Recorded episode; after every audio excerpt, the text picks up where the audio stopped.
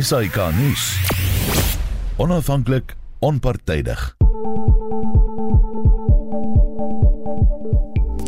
Dankie Phil en welkom by Kommentaar op Vadersdag. Vandag as jy 'n paas, hoop ek jy is baie bederf. Dan die afgelope naweek was dit ook die Cubing ZA Kampioenskappe. Klomp mense wat hulle slag met 'n verskillende Rubik se kubus of soos ons hom ken Rubik cube kom wys het. En daar's verskeie afdelings, die Suid-Afrikaanse Pyraminx kampioen byvoorbeeld, dis Andre Goosen van Kuzi in KwaZulu-Natal. Hy lyk vir my het hom in 3,56 sekondes voltooi. Dis nogals vinnig. Die Pyraminx is 'n vorm van 'n piramide maar gegrond op die Rubik metodologie en baie geluk aan al die wenners van daardie kompetisie. Dan in kommentaar vanaand praat ons uh, oor die besoek aan Oekraïne en Rusland, die geskorste openbare beskermer jeugdag en die besoek van Amerika aan China. My gaste is Marie Harris, se direkteur by Ipsos en ontleder. Goeienaand Marie. Goeienaand Susan. En Teens Elof, onafhanklike ontleder. Goeienaand Teens. Hallo Susan, hallo luisteraars. Arlen Kloet is ook vanaand deelgeneem met maar moes weens persoonlike redes onttrek so die formaat effe anders vanaand. Saam met die twee ontleeders het ek dan ook insig gekry oor van die stories uh, byvoorbeeld by professor Joansi van Wyk van Universiteit Pretoria en Kobus Maree, die DA skare minister van verdediging. My klankregisseur vanaand is Johan Pieterse en my naam is Susan Paxton.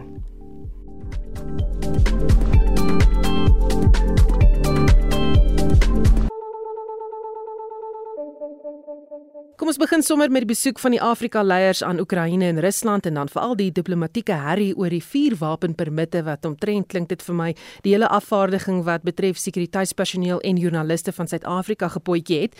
President Volodymyr Zelensky het na afloop van die besoek deur Afrika leiers wat vredesamesprekings wil bemiddel gesê hy sal slegs onderhandel as Rusland uit Oekraïne onttrek. Zelensky handhaaf nog die hele tyd hierdie standpunt en Afrika leiers het gehoop om dit te kon verander. Na afloop van die besoek aan beide die die twee vegtende lande het president Ramaphosa gesê hy hoop steeds dat daar vrede bewerkstellig kan word. Maar soos genoem voor die samesprekings kon begin, tel die Suid-Afrikaanse afvaardiging moeilikheid op in Pole nadat daar 'n probleem was met vier wapenpermitte van die Suid-Afrikaanse afvaardiging en hulle en joernaliste het 26 uur lank op die lughawe gesit in die vliegtuig. Die DEA-skare minister van verdediging Kobus Maree sê hierdie gebeure kan net aan arrogansie van die Suid-Afrikaanse afvaardiging toegeskryf word. Die sogenaamde vredespoging van president Ramaphosa na Pole, Oekraïne en Rusland het in 'n enorme diplomatieke en internasionale verleentheid ontaard. Veral die saamry van 'n enorme veiligheidsgroep op die gehuurde SA-11 vliegtuig wat in Warskou gestrand gelaat was. Op die keper beskou was daar geen veiligheidsredes waarom die president so 'n groot groep moes saamneem nie. Veiligheid op die grond is gewoonlik die verantwoordelikheid van die gasheerland en moet dit tog sekerlik vooraf met beide pole, Oekraïne en Rusland ooreengekom gewees het. Ook die wapentuig en ammunisie wat benodig sou word en dan sou die permitvereistes tog ooreengekom gewees het. Indien geregverdig en ooreengekom, sal die veiligheidsgroep normaalweg vooraf na die teikengebiede gaan wat ook in oorlogsone insluit om baie te vee en om risikopunte te identifiseer, te beperk en te beman. En waarom die groot hoeveelheid wapens, genoeg om 'n klein oorlogie te loods? Wat was die doel daarmee? Veral die wapens waarvoor die Pole nie tevrede was met die permitte of die afwesigheid daarvan nie. Selfs in Suid-Afrika moet daar permitte wees vir tydelike binnebring van vuurwapens. En benodig ons tog sekere oorspronklike permitte Generaal-majoor Wally Rode se arrogante aanval op die Pole dat hulle die onverklaarde wapens en sekere individue as gevolg van rassistiese redes nie wou toelaat nie, moet van die laagste en laakbaarste verskonings wees. Dit blyk dat die Suid-Afrikaanse lugmagpersoneel glo vir generaal-majoor Rode hieroor gewaarsku het, maar het sy arrogansie klaarblyklik geseëvier en het dit nou ons land bitter sleg laat lyk. Sy optrede en houding moet verwerp word met die middagting wat dit verdien. Die beplanning deur Dirkou en generaal-majoor Rode se span van hierdie diplomatieke operasie was uiters amateuragtig en moet hulle modus operandi ernstig bevraagteken word. Selfs vlugplanne blyk nie vooraf uitgeklaar te wees op pad na Pole en selfs Rusland nie. Waar was ons kundiges wie sulke operasies spreekwoordelik met die toe oë kon reël en implementeer? Beide in die spesmagte en die polisie se taakmagte. Dit moet 'n enorme verleentheid vir hulle wees. Dit blyk nie dat die ander Afrika staatshoofde dieselfde probleme ervaar het nie, maar ook nie met sulke groot veiligheidsgroepe met onverklaarde wapentuig daar opgedaag het nie. Duidelik was hulle nie so arrogant en of paranoïes nie. Suid-Afrika se internasionale beeld, veral as vredesbemiddelaar, het 'n verdere ernstige knou gekry. As die presidentsie die reis van veiligheidspersoneel en joernaliste wou gebruik het om sy dalende openbare beeld te help herstel, was dit 'n enorme mislukking waarvoor ons belastingbetalers moet pas staan.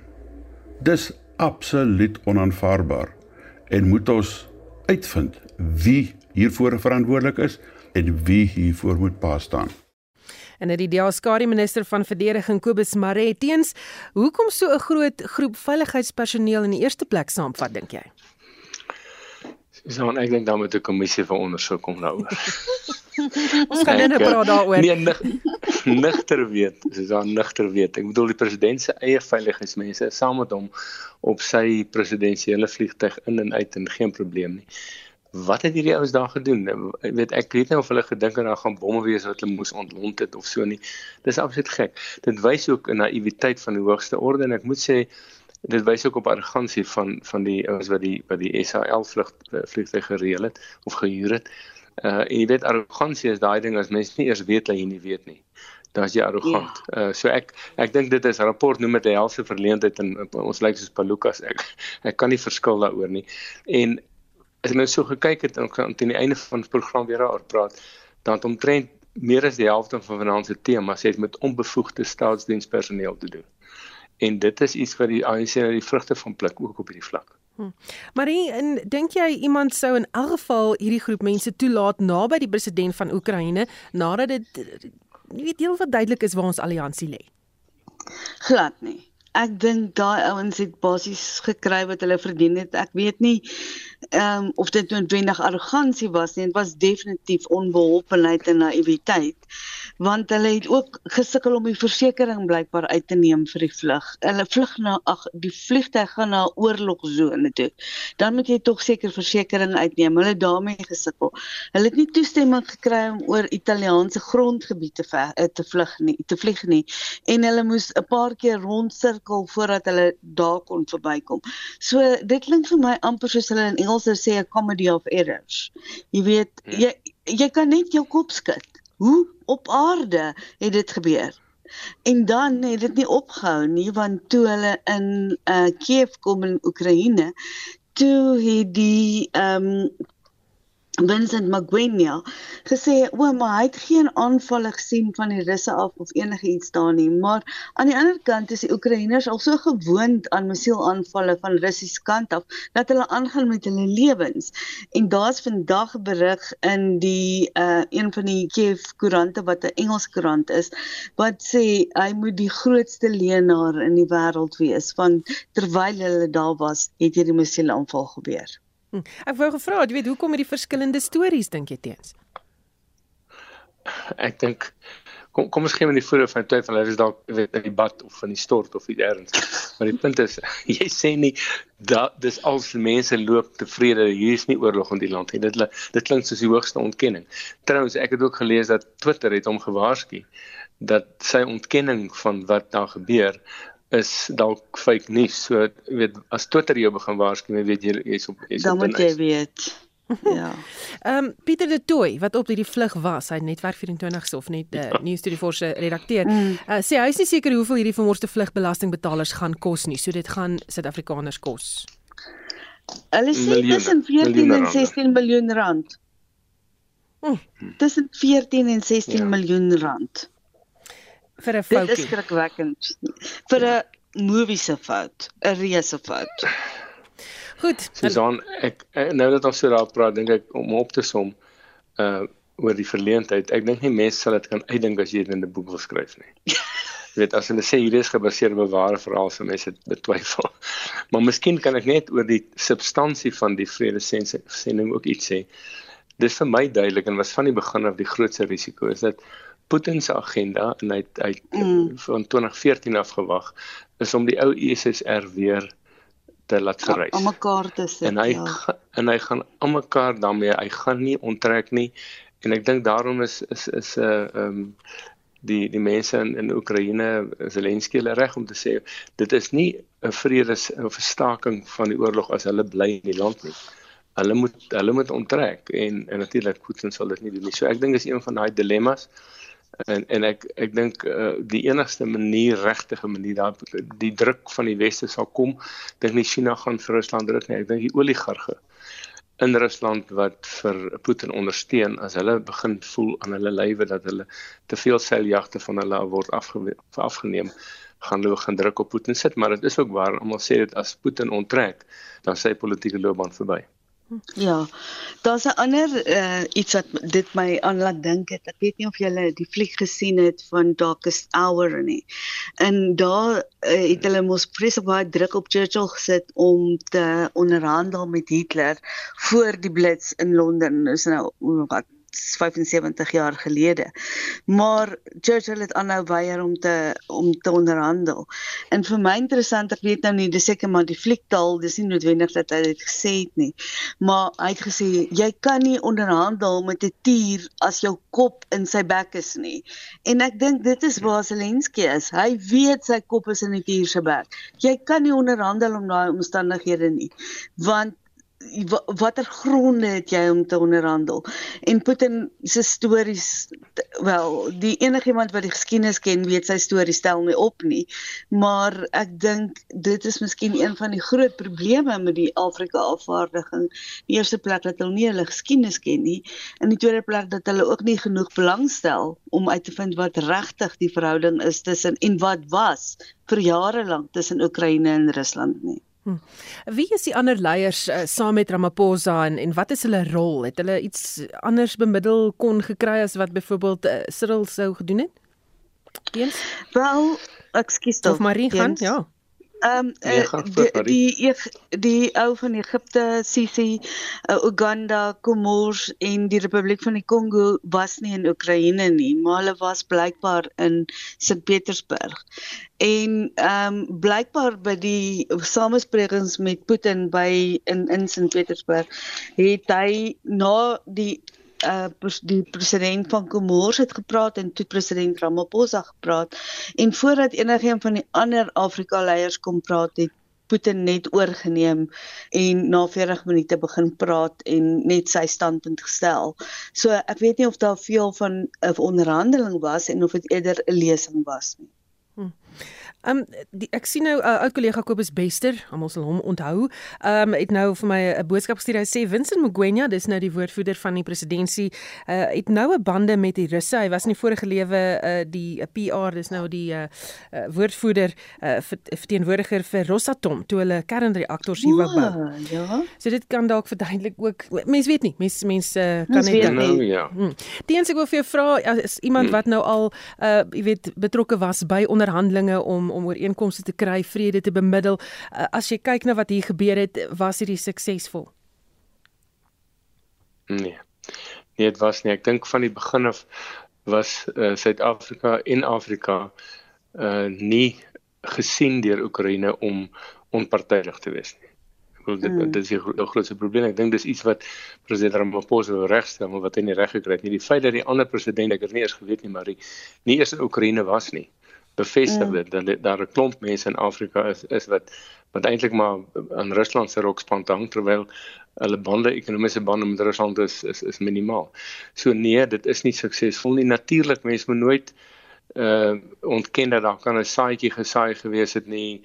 Uh dit kan wees dat die party nog ontken oor dat dit erns 'n klein verskil kan maak. Dit moet ons nog sien, maar dit is nie onmoontlik nie. Hm. Ek wil net ietsie by sê, een klein ietsie by sê dat um, ons het 'n studie gedoen oor ehm um, die uh kwessie van wat dink Afrikane oor die kwessie van Rusland en die Oekraïne. Natuurlik en dit was in is in sewe lande in Afrika gedoen. Die, res, resultate is nog nie gepubliseer nie. So ek is nou eintlik besig om dit vooruit te loop hierso. Maar in die meeste lande sit die meeste ouens op die op die draad. Hulle hulle kan nie 'n besluit neem nie. Hulle is amper te bang om 'n besluit te neem. Maar Maar as jy hulle bietjie druk en sê, "Wat dink jy moet ons regering doen?" dan sal hulle sê hulle dink die reg is eerder aan Oekraïne se kant as aan Rusland se.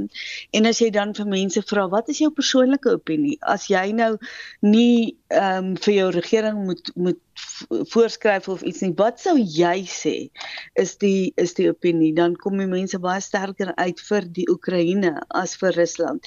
So is my baie interessant. Ek dink nie die Afrika lande het noodwendig kennis van wat hulle bevolkings dink nie. Hmm. Ek sien Rein uit Durban het 'n interessante vraag. Um 'n persoon vra: "Is die fiasco georkestreer om met opset Ramaphosa aan die verleentheid te stel?" Teens? Nee. Ja, ek dink jy het baie hulp nodig gehad om dit te doen. Nee, ek ek kom weer terug na onbevoegde en onbeholpe personeel. Kom kom ons sê, kom ons laat vir 'n oomblik die verleentheid van die van die ander vliegtyg uh, buite rekening. Dan wat oorbly, kom ons sê dit nie gebeur nie, net net argumentsontalwe. Dan wat oorbly is 'n president wat raap en skraap om 'n paar Afrika hoofde bymekaar te kry. Uh 3 of 4 onttrek baie vroeg stuur iemand anders. Besef, besef nie die belangrikheid daarvan nie. Kom daar aan word nie gesien deur die albei kante as as onpartydig nie. Word eintlik baie geboelie deur die een party kan nie werk nie. So ek ek dink nie dis georkestreer nie. Ek dink twee goed mense wel vra, het die Pole omdat hulle met met Oekraïne identifiseer net geweier om daai wapens in Oekraïne in te laat gaan en tweedens was van die Russe en die Russiese weermag dalk moeswillig om Kiev aan te val terwyl hulle weer of terwyl hulle moes geweet het daar's 'n vredesending daar. So dit aan albei kante toe gaan. Uh, maar ek dink nie dit was nie. Ek dink dit is uh, maar net ons eie onbekwaamheid en ek dink nie ons was gereed as 'n land en as 'n kontinent om regtig as as onpartydig en en geloofwaardige fasiliteerders op te tree. Hm. Marie, ek wil vir jou hierdie vra. Ehm um, Allan Windy, premier van die Weskaap, is intussen na die FSA toe om te pleit dat ons steeds 'n voorkeur handelsvernoot bly as gevolg van ons uh neutrale, uh, jy weet, opinie oor die mm. oorlog en hy sê dit is sy plig om die onderhandelinge te gaan hou ten spyte van kritiek teen hom van die nasionale regering af. Is dit mm. sy plek gewees om te gaan uh, onderhandel daar? Ek dink omdat die regering niks daaraan doen nie, sal ek hom ondersteun in die feit dat hy FSA toe gegaan het om te gaan pleit basies. Terwyl ek nie dink dat ehm um, die Suid-Afrikaanse regering noodwendig in hierdie geval enigsins ehm um, die regte ding doen nie want hulle probeer uh, praat van arrogansie waaroor ons nou net gepraat het.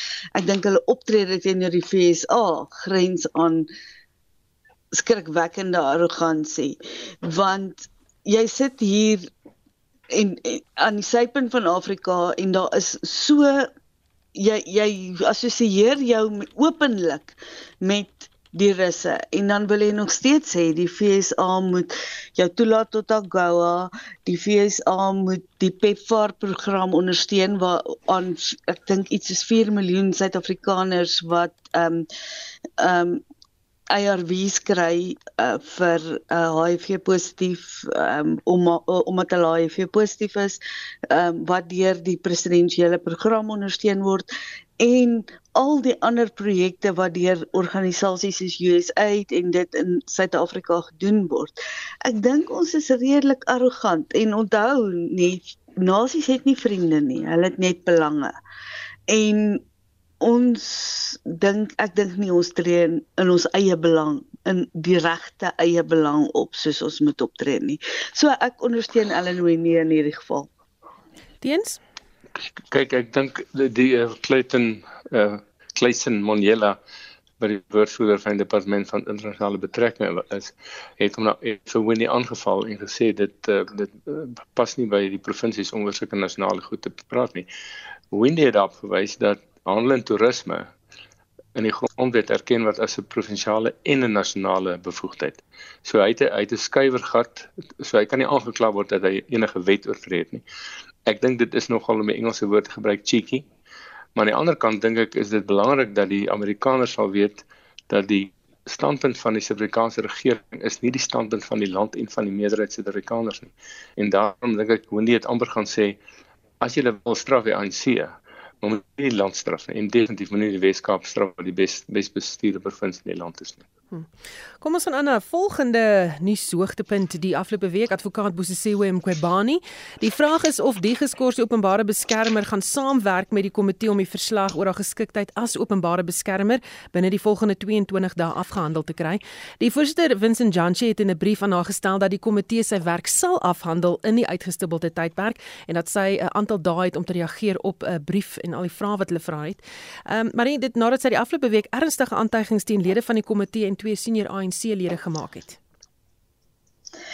Wel, Susan, ek dink as hy gaan waarskynlik dit nie maak in binne die 22 dae nie want as mens kyk tot hoe die saak tot nou toe verloop het ehm um, praat van tegnieke om dit uitgestel te kry om dinge te verander dan kom hier 'n ding van die kant af ek sê nie dat die uh, opnames van die ANC lede wat daar wou omkoop nie waar is nie. Ek het kan glad nie praat oor die oor die geloofwaardigheid van daai gedien. Sy maak nou beweringe dat ehm um, Juma Petersen nou sou gelewe het as dit nie die as sy nie aangekla is van pligsversuim nie. So dis ernstige aanklagte wat sy maak. Ek dink in die volgende klompie dae gaan sy definitief nie haarself by haarself kry om alles te doen wat sy moet doen vir Jantjie om binne 22 dae klaar te wees met hierdie ondersoek nie. Teens hoe kom die Ja, ek wou self myself nie by myself kry. Dis nog 'n goeie indruk vir my. My my siening hieroor is dis dis 'n groot deel mekaar speel, maar die punt is as jy in die moeilikheid is, dan help dit nie om klippe te gooi en sê die ander ou het ook gesteel of die ander ou ja. het dit gedoen. Jy weet dit dit vat nie jou die aanklag teen jou weg nie. En, en is my net net so ver kyk as haar regsverteenwoordiger. Hy is die koning en die meester van uitstel en vertragingstaktiek daar in Polfo. Soveel sodat hy nou al onder waarskuwing is uh, en dat dat die dat die Bali Raad al begin dink maar hulle hulle moet hom vir vir onetiese gedrag aankla maar die die punt is hy sal vir haar in haar kwaad sterk en so jou antwoord is my antwoord vir jou is nee sy sal nie binne 2 weke die verslag probeer afhandel nie. Wat hulle probeer doen is om alles uit te rek totdat haar termyn tot einde kom dan kan sy aftree met al daai lekker voordele. Dis waar dit gaan. Ja. Die feit dat ons nie 'n permanente openbare beskermer het nie, maak dit 'n verskil aan die kantoor se uh, effektiwiteit en die geld wat nou gebruik word hiervoor. Belemmer dit nie ook die kantoor se werk nie. Marie Ek dink dit kan dalk die kantoor se werk belemmer, maar dan aan die ander kant waar sê nou maar die permanente openbare beskermer was Posisewe Mqobani. Dan was ons in baie groter moeilikheid as wat ons nou is. Ehm um, as hmm. dit iemand anders was, want nou ten minste is daar meganismes waarop jy die openbare beskermer kan verwyder as die persoon nie sy werk doen nie. Maar ons weet almal hoe moeilik is dit om van iemand ontslae te raak wat nie hulle werk doen nie, wat nie wat hulle plig versuim, wat self steel in 'n in 'n maatskappy. Jy kan nie net baie of in 'n in 'n veral in openbare onderneming, jy kan nie net van hulle ontslaa raak nie. So ek dink ek is uh, effens aan die kant van dis beter dat ons iemand het wat net vir 'n bepaalde termyn aangestel word. Hm, Jens Ja, ek uh, ek dink nie dit belemmer regtig op hierdie oomblik die kantoor nie. Natuurlik daar word geld spandeer, maar daar's ook 'n beperking op die hoeveelheid geld geplaas. Ehm um, ek dink dit is maar net 'n proses, 'n pynlike proses wat moet deurgaan en ek ek ek weet die parlementariërs moet daaraan werk, maar ek dink dit gaan uitreik tot sy tot haar termyn verstryk het finaal. Ehm um, ek ek het vandag 'n glimlag toe ek Max de Pre se opmerking lees. Hy sê hy glo nie dit hy glo nie die storie van die afpers nie want hulle vra net vir 600 000 rand as hulle vir 6 miljoen gevra het. Sou dit geglo het. Sjoe. Ehm um, goed, jy moet genoeg geld vra as jy iemand wil afpers, is dit wat hy sê? Ja. Ja, hy sê dis dis te min. Goed, hierdie is een van vele ondersoeke na sulke optredes en dinge wat dalk nie reg is nie. Op bladsy 8 van die rapport is daar berig oor die 110 kommissies van ondersoek wat al gestig is, maar nog niks bereik het nie. Dit na die nasionale krisiskommissie van logistiek in die lewe geroep is die afgelope week. Dis 'n groep sakelei wat gaan help om die kragkrisis op te los. Nou professor Ansie van Wyk ontleder van die Universiteit Pretoria, sy reis tans in Swede, so sy kon nou nie regstreeks met ons praat nie, maar sy het die ondersoek na die kommissies gedoen, sy het dit gevolg en al die dokumente gaan naspoor en sy het vroeër aan my gesê dat dit baie geld kos en tekenend is van 'n president wat onseker is van sy eie kabinet. Kom ons luister gou. Dit is een van die probleme wat ons ondervind is dat Hier word al hierdie instellings word ingesit. Dit wil voorkom asof dit 'n duplikasie is en tipe van 'n parallelle staat is wat geskep word en dat tot 'n mate dan bestaande staatsdepartemente se werk elders gedoen word in plaas van dat die lynfunksie departemente die funksies vervul. So die koste daaraan verbonde kan jy natuurlik dink is groot. Die feit dat baie van hierdie panele dan kom ons sê oud regters insluit of persone van die privaat sektor of dan nou adviseurs, mense buite die regering wat aangestel word as gesante et cetera beteken natuurlik dat daar geld na hierdie persone gegooi moet word na hierdie projekte wat natuurlik geweldige koste aan die staat weer toedra. So dit wil tog voorkom asof buiten die aanstelling van 'n klomp konsultante en hierdie tipe instellings wat ek nou oor berig het en dan die bestaande staat en sy arbeidsrekening dit is dan net geweldige koste wat dan daarmee saamgaan. Nou my frustrasie is dat ek kan nie agterkom wat die koste van hierdie goed is nie. En mense sou kon dink dat die oppositiepartye miskien met hierdie goed met hardloop sodat mense idee kan vorm wat dit gaan kos. Nou ons het gesien met die Zondo-kommissie wat die aanvanklike begroting voorgeles en Eventueel is die Zondo-kommissie se mandaatstydperk is verleng en natuurlik daarmee saam het meer geld benodig geword. So dit is een van die redes hoekom ek ook oor die lys saamgestel word dat mense ook net kan 'n idee hê waar kan jy die regering aanspreeklik hou? En dan net die laaste punt wat ek graag wil maak is vir my is dit baie duidelik van hierdie panele et cetera wat ek gelys het is dat die presidentsie is geweldig gekonsentreer met funksies, belange, persone, taakspanne en dis meer dat die president het van die belangrikste besluit wetgewingfunksies en magstrukture het hy binne die presidentskap gevestig. Ons sien byvoorbeeld staatsveiligheid is daar, die minister sonder portefeulje is daar, die president is ook voorsitter van die staatsveiligheidsraad, hy is ook die opperbevelhebber van die weermag. So net in terme van die versekeringsekologie of die veiligheidsekologie van ons land is alles hoofsaaklik dan daar gekonsentreer. En dit spreek vir my alles van 'n president wat onseker in die saal sit dat hy eerder dan al hierdie lyne van verantwoordingdoening dan sogenaamd aan hom wil hê dat die lyne na hom toe moet gaan en dat daar dan ook blyk te wees dat daar nie vertroue in sy eie regering, sy eie kabinet is om hierdie besluite en die planne van die regering uit te voer nie. Is professor Joansi van Wyk politieke ontleder van die Universiteit Pretoria teens, wat sê hierdie van die president se leierskapstyl vir jou? Ek ek is ek voel dubbelslagtig daaroor as ek 'n staatsdiens gehad het en 'n minister wat so onbevoeg was en onkapabel. Ek hou so van die Afrikaanse woord onkapabel.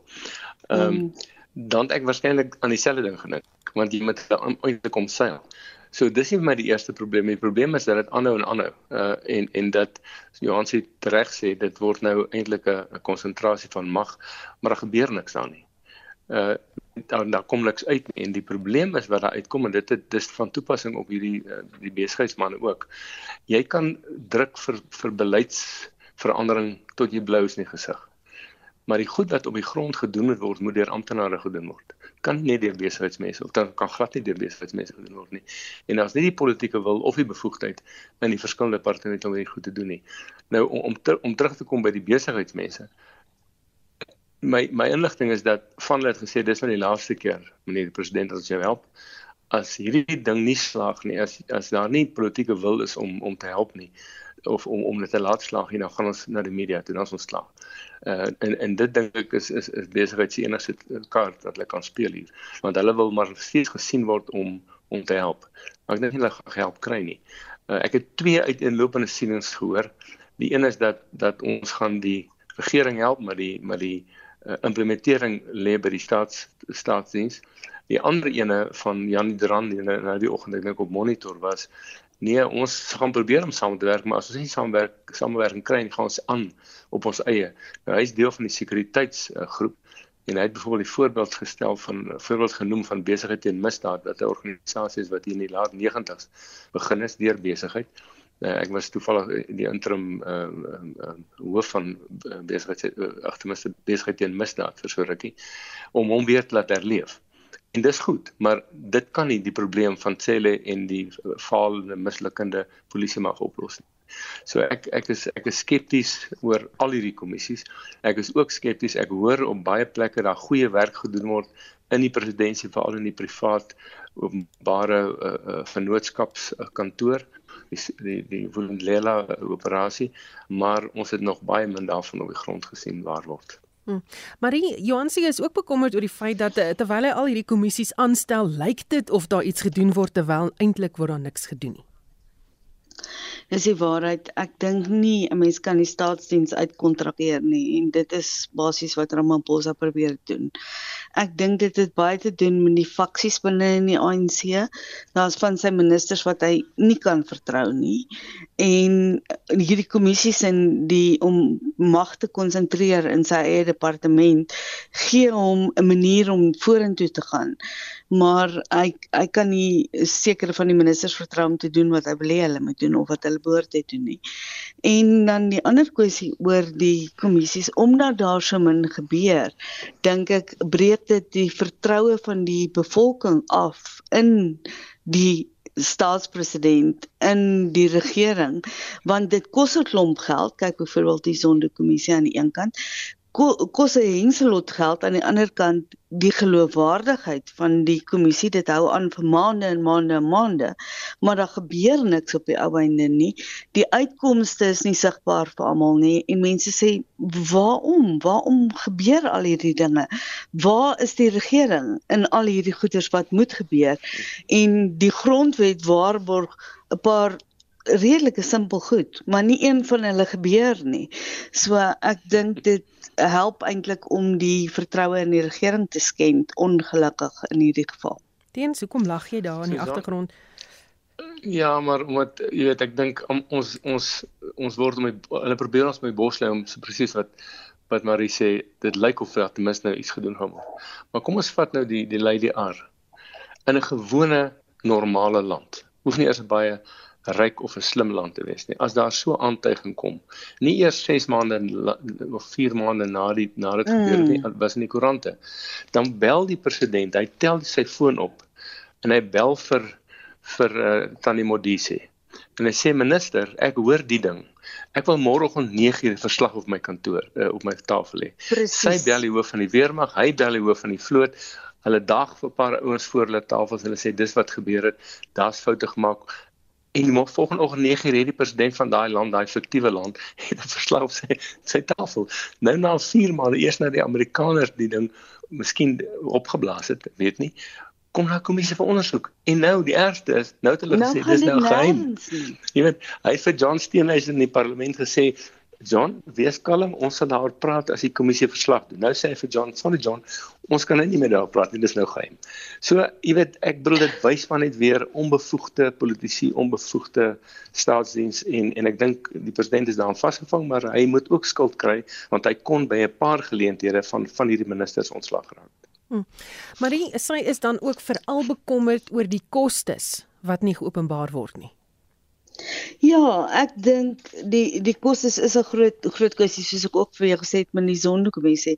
Is dis amper verskuilde koste in die sin van niemand weet waar dit heen gaan nie. Waar is die die openbare rekeninge daaroor? Het die ouditeur-generaal iets daaroor te sê?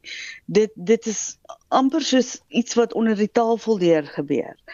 En uh, in 'n land soos ons in ongelukkig waar daar soveel ehm um, korrupsie is en ook die uh persepsie van korrupsie partykeer kan so iets nie geduld word nie. Hm. Kom ons gaan na die volgende tema toe. Ehm um, kom in opstand en stem die ANC wat julle onderdruk uit. As die ANC opstand soos in 1976 wil vermy, gaan hy dringend aandag moet skenk aan die behoeftes van die jeug. Dis was die boodskap van Amnesty Internasionaal op Jeugdag Vrydag. Teens uh, wat van ons jeug? Gee die ouer garde nog werklik om? Ek het so 'n bietjie paar van die artikels gelees oor jeugdagvieringe uh en en 'n paar dinge geleer ook van hoeveel organisasies is daar veral hierdie Youth uh, Youth uh, Coalition, National Youth Coalition, wat eintlik maar onder die Ahmed Kathrada stigting is.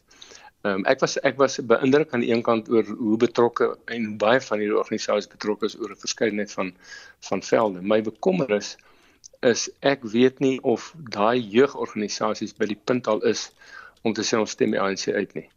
Uh, ek dink hulle ken niks anders as die ANC nie. Hulle gaan liewers wegbly.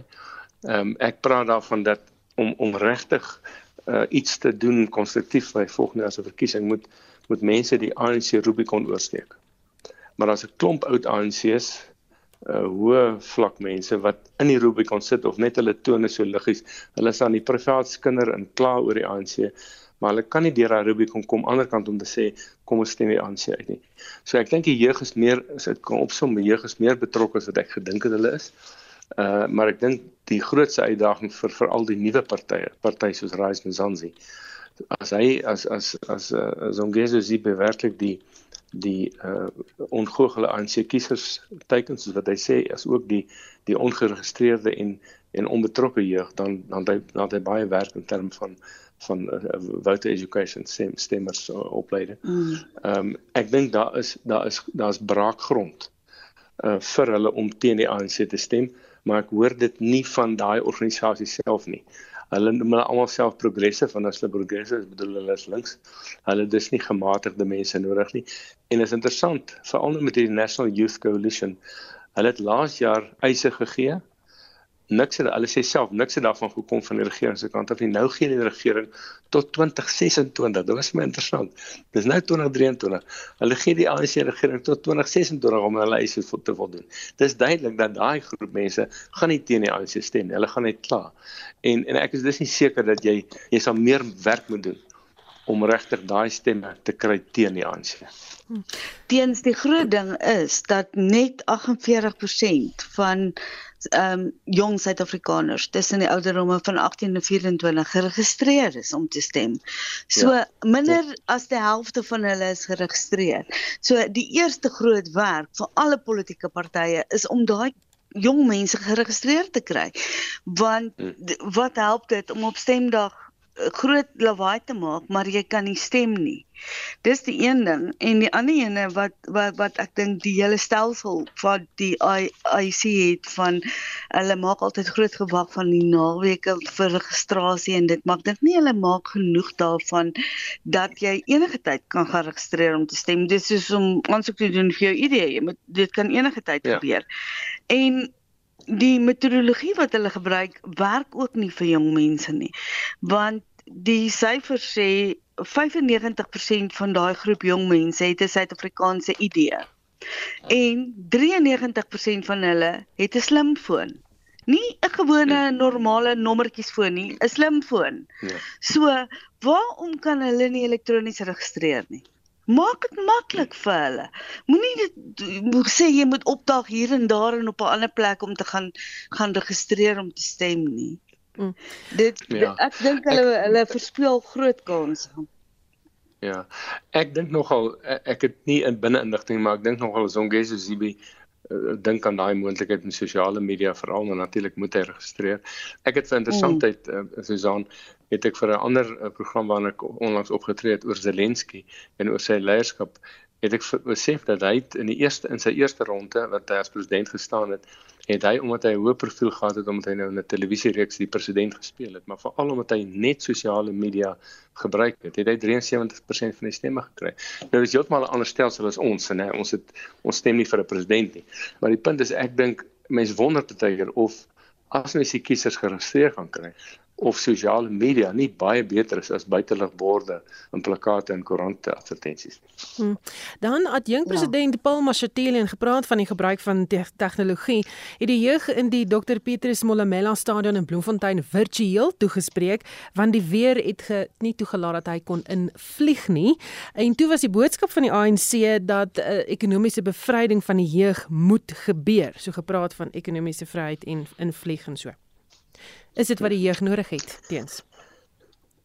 Ek dink so. Ek ek dink hulle soek werk. Hulle soek 'n uh, hulle soek werk. werk en dit sê hulle sê hulle dis of hulle eie besef, eie waarde besef teruggee.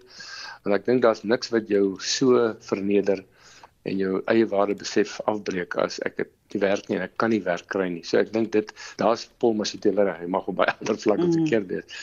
Maar ek dink alle politieke partye besef dat jy soek werk, maar jy gaan nie met die ANC se beleidsrigtinge werk geskep kry. Dis die, dis die ironie en al wat hulle kan doen mm. is om meer mense op sosiale toelaas te sit en net meer mense in die staatsdiens as 'n as 'n groot werkgewer te uh, in, in diens te neem.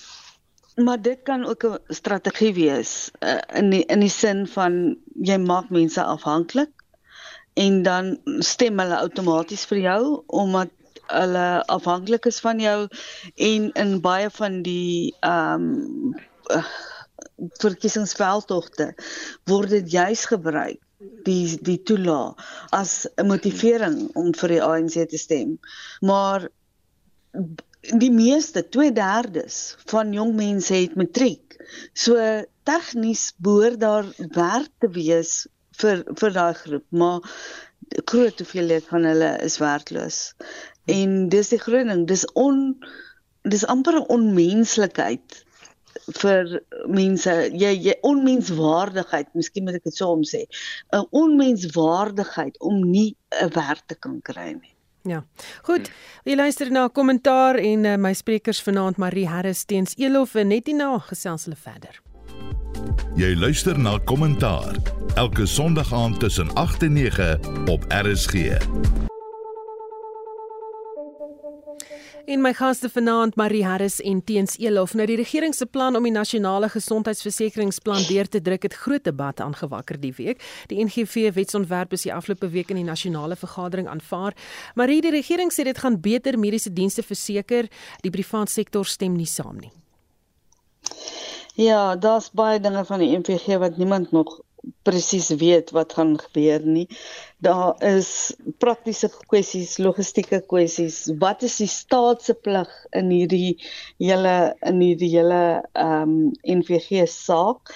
Ehm um, die volgens die grondwet moet die staat gesondheidsdienste lewer, maar uh, daar is in die NVG baie baie van die kwessies nog nie aangespreek oor waar gaan die geld vandaan kom vir die uh vir die program nie. Wat van mediese fondse kan hulle saam bestaan? Dit is baie mense praat van die NH uh wat NHI uh, in 'n geval in Engeland. Dit is nie dieselfde stelsel hierdie as wat hulle in Engeland het nie. Ehm um, daar is ander lande wat stelsels het wat die private en die uh, staatsgesondheidsdienste kombineer, Australië byvoorbeeld en en ander ook. Maar uh, ek is bekommerd daaroor want wat gaan die toekoms wees vir medisy en vir ander gesondheidswerkers? Gaan hulle uh verplig word om ergens te gaan werk waar hulle moontlik nie wil werk nie? Ehm um, of gaan dit nou werk soos met baie ander dinge wat die regering doen, gaan hulle eers alles afbreek en dan van daar af probeer om dit weer op te bou. Watter voordele gaan dit inhou? Ehm um, hulle praat van 'n gedwonge betaling vir gesondheidsdienste, maar tog tans is die die staatse gesondheidsdienste is gratis. So daar is soveel vrae oor hierdie hele kwessie en uh, ek dink hulle probeer om die staatse plig om gesondheidsdienste te verskaf aan die burgers te herorganiseer of dit iemand anders se probleem te maak. Teens in ander lande sukkel dit om hierdie stelsels aan die gang te kry. Uh eerste vraag is hoe gaan ons dit regkry? Maar die ander kant van hierdie is ons moet ook iets drasties doen aan ons mediese sorg in Suid-Afrika. Dis in 'n toestand. Dit is soos die meeste ander departemente is in 'n toestand en ek ek kan nie ek dink dis dis baie duidelik vir my dat omdat dit in 'n toestand is, is dit te moeilik om dit reg te kry. So wat doen ons as sê ons vat maar die private sektor se geld. En ek het mm. vandag 'n artikel gelees wat ander 'n onderhoud gehad het met dokter uh, sê nou Kenneth Kenneth Jacobs, wat die voorsteur is van die uh nasionale vergadering se se se gesondheidskomitee en op twee plekke in sy antwoorde praat hy van die ouens wat baie geld het. Hy sê, hy sê daar's mense met baie geld in die land wat kon gehelp het. En dan die tweede ding wat hy sê is hy sê uh ons het uh ons het 'n klomp mense wat ondernemings het. uh nie net belasting betaal nie, daar's baie mense met baie geld, die ouens met die ondernemings. so hier hang die onderrok onderrok ver uit. Daar's nie geld nie, daar's nie 'n werkende gesondheidstelsel nie, tap die private sektor. En die die tweede uh, opmerking wat ek wil maak is dat iemand anders het gesê dit gaan gesondheidsorg baie meer gelyk maak en dit mag waar wees. Mm -mm. Maar dan gaan ons almal met fietsse ry. Dan dis dis die ou ding ons niemand mag met karre ry nie. Ons word almal gelyk ons ry almal met fietsse. Dis dis dis gewoon on on kan nie gedoen word nie. Ons ondoenbaar en dit wat my betref ook sosialisties. Ek ek dink die die die enigste bietjie troos wat ek kry is daar is eensstemmigheid onder ingeligte mense dat ons het nie die geld nie en ons gaan nie in die volgende 20 jaar geld om te doen nie. Tesorie hierdie ding doen hulle maar net omdat hulle gesê het hulle moet doen, hulle doen dit vir die verkiesing. Maar die tesorie gaan moet sê nee, ons het nie die geld nie. Dis die eerste en die baie organisasies van politieke partye tot uh die winsgewende organisasies wat hierdie saak in die hof gaan beveg, gaan vir jare en jare en jare in die hof hou. Hm. Goed, tyd hardloop nou of stap nou aan eerder die uh, en ek dink ons gaan gou twee kwessies in die buiteland hanteer. Die voormalige president van die FSA, Donald Trump, het skuld ontken op sowat 37 aanklagte wat verband hou met sy beweerde hantering van hoogsensitiewe en geklassifiseerde dokumente nadat hy die Withuis in 2021 verlaat het. Trump het vlugtig in die hof in Miami in Florida verskyn. Nou John Scott skryf in die Burger 'n artikel die naweek dat om die bokse dokumente in die badkamer te versteek was nie 'n goeie plan nie. Nes president Cyril Ramaphosa se versteekte miljoene in sy sitkamerbanke. Hy sê hy gedink hulle twee sou slimmer wees. Maar my vraag is miskien teens is hierdie heksejag teen Trump om hom politiek te potjie. Ek ja, van ek ek sou ek ek het nie inligting daaroor nie, maar ek sou my kon indink dat daar ouens in die Republikeinse party en in die Demokratiese party is wat sê man kom ons druk die ding ver. Die dilemma waarom natuurlik sit is dat Biden is ook gevang met 'n klomp uh, geklassifiseerde dokumente in in sy huis. Ehm um, en en alhoewel hy president is mag hy dit nie. Maar nee, dit was nie so erg nie, was nie sy bad sy badkamer nie. Maar nou wil ek vir jou sê ek het um, daar's die ou storie van Tail Ilspeel. Dit mos by sy ma kom klaar oor die mense met hom lelik is. Toe mm. sê sy ma vir hom ja my kind, maar jy maak daarna. Nou ek dink Trump het daarna gemaak. So dit kan dit kan hoogs waarskynlik wees dat hy eksie jag is om hom te weerhou, maar ek dink hy sê eie vyand groot genoeg en uh, dit moet maar uitgeveg word. Hmm. As mens lees uh, hieroor wil dit so amper voorkom asof Trump met hierdie hoogsgeheime dokumente gespog het by mense wat nie, jy weet, dit mag gesien het nie. Um maar Marie sal hierdie sy aspirasies om president te word dalk kelder. Ek dink nie so nie. Hy's te ver voor in die uh, wedloop vir die Republikeinse party. Maar ons het begin praat vanaand oor arrogansie. Dit was nou in die in die sin van die Suid-Afrikaanse regering miskien. Maar Trump is net so arrogant. Hy het natuurlik hierdie goed bes, beskou as sy eiendom. Ehm um, hy hy beskou tot 'n groot mate Amerika as sy eiendom en sy erfreg.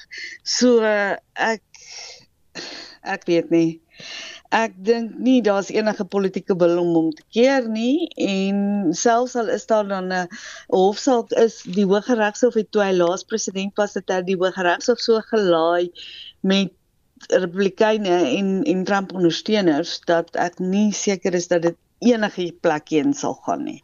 Hm. Storie wat ons sal dophou. Ons bly in die FSA. Die FSA se minister van buitelandse sake, Anthony Blinken, is in China om uh, Chinese politisie ontmoet. Die FSA sê dit is om groeiende spanning tussen die moondhede te probeer uh, bylê. En uh, dit was nou die eerste keer in in 5 jaar dat so hoëgeplaaste van die FSA na China reis. Dit uh, moet belangrik wees teens. Ja, dit is baie belangrik. Kyk, China het het, het geweier om so besoek te ontvang eers en toe dit mm. gekanselleer want daar was die lugballonne en spionasieballonne en toe is daar die intimidasie van skepe en vliegtye. So dat 'n klomp insidente gebeur. China is is duidelik in 'n tartende by. En ek dink Amerika besef dat hulle sal moet hard probeer om dit op diplomatieke eh, gronde bietjie te laat afkoel. Ehm um, ek dink die hele kwessie van Taiwan uh, en en China wat sê ons gaan nog eendag Taiwan vat. Ek moet sê ek ek het nogal gedink toe die inval in Oekraïne gebeur dat dit dalk vir vir Xi Jinping die uh, goeie rede sou wees om te sê net maar is uh, as Trump vir Oekraïne terugvat dan kan ek maar vir Taiwan terugvat. Maar ek dink sy mm, Amerika het, duidelik mm. gesê uh, ja, duidelik gesê as julle dit doen dan slaan ons terug. So hier is uh, ek het 'n onderhoud met Henry Kissinger ge, ge, gelees onlangs wat sê hy's bekommerd dat hier definitief potensiaal is vir gewelddadige konflik uh, waarby Rusland by waarby uh, China en en Amerika betrokke kan wees. Alles is dan weer Taiwan. So dis 'n ernstige saak ook vir wêreldvrede. Die Chinese is natuurlik uh, ook maar arrogant in die sin dat hulle hulle word al groter uh, ekonomiese moondheid ook in in militêr ook. Uh so dis dis 'n dis 'n belangrike saak en ek mens kan maar net hoop ter wille van die van die vrede in daai in daai uh, deel van die wêreld dat daar 'n mate van kalmte kan kom uh, ten minste vir die vir die afsienbare toekoms. Maar die teens het nou daarna verwys, maar hoe belangrik is dit dat daar nie spanning is tussen hierdie twee lande nie? Ek dink dis die enigste twee supermoondhede in die wêreld wat oor is. Rusland kan definitief nie meer as 'n supermoondheid gereken word nie. En hulle is mekaar se grootste handelsvennote. Hulle hulle die handel tussen die twee lande is ongelooflik. Is dis omtrent getalle wat jy nie kan begryp nie. En dis in die belang van albei van hulle om ten minste uh, kom ons sê ehm um, nou nie oorleef van vriendelikheid teenoor mekaar nie, maar hulle moet klaarkom. Dit is in albei van hulle se belang en ek dink hulle weet dit. En nie net in hulle belang nie, maar teens dit verwys na die spanning in die Verre Ooste, maar ek dink die spanning in die wêreld is hang ook af van die verhouding tussen Amerika en China eerder as van Rusland en Amerika. So dit baie baie groot saak vir almal van ons dat hierdie twee in vrede moet lewe. Hm. Diens die twee lande het 'n Ja, skiet van voort. Nee, skiet, wat net sê, so alles interessant. Ek het onlangs uh, moes ek iets lees oor Indië en toe lees ek dat tussen China en Indië is daar weeklikse skermutselings op hulle grense. Ja, op die grens 60 mense 60 mense gaan dood elke week. Ja. Dis amper soos soos die Oekraïne. So China is gewoond om met een van sy handelsvennote in die BRICS groep hierdie keer in 'n geveg te wees oor oor oor en weer skermutselings. Dit word taamlik stilgehou. Nou nie met opset nie, maar mense weet nie daarvan nie. Dis dis nie groot genoeg nie. Ja, maar uh, maar, maar dit wys nou dat vergeet, dat hulle wil Ja. Ja, Marie. Nou wat jy nou vergeet is dat die Indiërs nie baie omgee om die mense wat daar ver in die berge bly nie en die Chinese ook nie. Mm. Ja, nee, dis so, dis dis dis afgeleë plekke, jy weet. Ja, dis afgeleë plekke en dit is ook etniese groepe waar nie een van die twee lande noodwendig baie sterk belang by het nie. So ja, maar mm. hulle skiet elke kort kort op mekaar. Mm. Maar die dit is die twee lande, China en die FSA het, soos julle nog sê, 'n baie gekompliseerde verhouding oor die algemeen en hierdie oorlog tussen Oekraïne en Rusland plaas egter baie baie druk daarop. Gaan hulle dit kan navigeer teens? Kyk, die Russe en die Chinese is is op rekord ehm um, dat hulle so 3 jaar gelede 'n uh, uh, uh, ooreenkoms geteken het om 'n nuwe wêreldorde daar te stel, amper soos die post Tweede Wêreldoorlog wêreldorde tussen Amerika en Europa. Ehm um, en en dit is waar die hele al die stories vandaan kom om die dollar te vervang as 'n as 'n olie geldeenheid en so aan.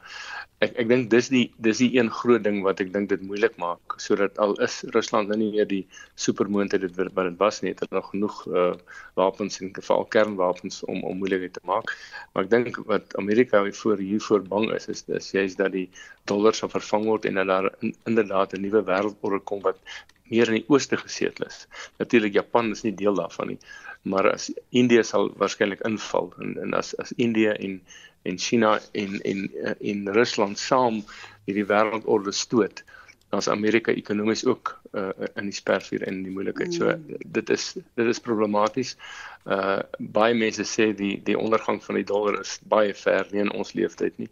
Uh, en dit kan wees, maar dit beteken nie dit gaan ekonomies maklik wees nie. Marie mm en dit is meer as 'n derde van die wêreld se bevolking as jy daai loetjie bymekaar tel. Hm. Dan is hier 'n luisteraar wat 'n SMS uh, eh, gestuur het en dit het nou 'n aandering van die hospitaal storie of die gesondheidsversekeringsplan wat vra maar dink ons dat die ministers ook in lang rye gaan gaan sit vir hulle pille. Marie. Hm. Ministers sit nooit in lang rye vir hulle pille nie. Ons het daardie antwoord luister. Uh dit ja, is 'n anonieme nee. persoon. Uh Net so voor ons groet, klein beriggie op bladsy 4 van die Burger is daar uh, gesê dat die Hooggeregshof in Makanda het beveel dat die Oos-Kaapse provinsie veiligheidsplanne in plek moet kry om die veiligheid van Intercape busse en sy passasiers te verseker. Dit nadat die busmaatskappy deurloop onder geweld en uit vorige onderhoude met die bestuurshoof Johan Ferreira was dit duidelik dat hy nie hierdie omkoopgeld wou betaal aan die taksi-maatskappy om die roetes te kan gebruik nie. Maar wat is jou indrukke van die hof se bevel hier? Wel, ek dink dit is weer eens 'n kwessie van wat soos ons reg in die begin gesê het van iets wat behoort te werk en wat nie werk nie in Suid-Afrika. Die veiligheidsstelsel in die land, die sekuriteitsministerie werk nie. Dit is die polisie se plig om na almal om te sien, ook na die Intercape busse en ook om te sorg dat daar nie spanning tussen die taxi-maatskappye of tussen verskillende vervoermaatskappye soos taksies en busse is nie. En duidelik kom hulle nie daarby uit nie of hulle wil dalk nie daarby uitkom nie. So dit is 'n simptoom van die wetteloosheid in die land. Teens jou indruk dat die hof die regering moet beveel om sy werk te doen?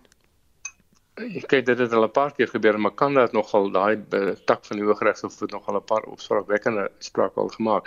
Wat ek wat my verbaas het was hierdie hierdie bevel was in 2022 gemaak. En die mm. die minister die die plaaslike provinsiale minister het 'n paar maande gehad.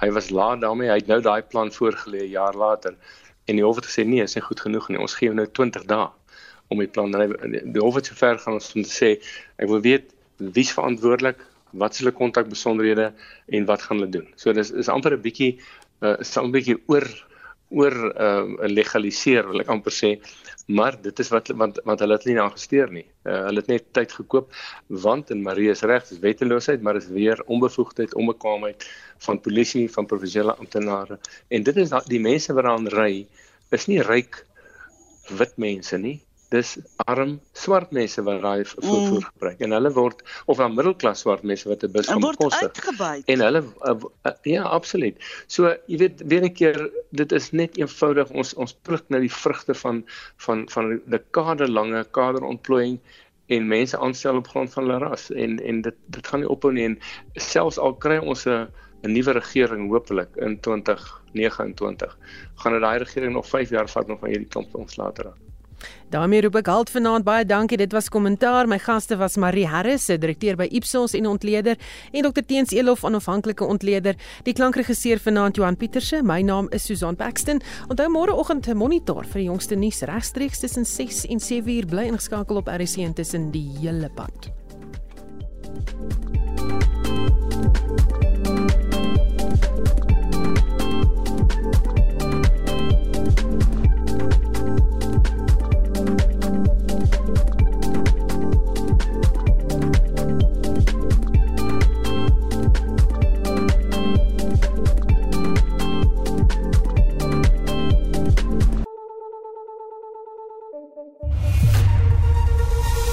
SAK nuus. Onafhanklik, onpartydig.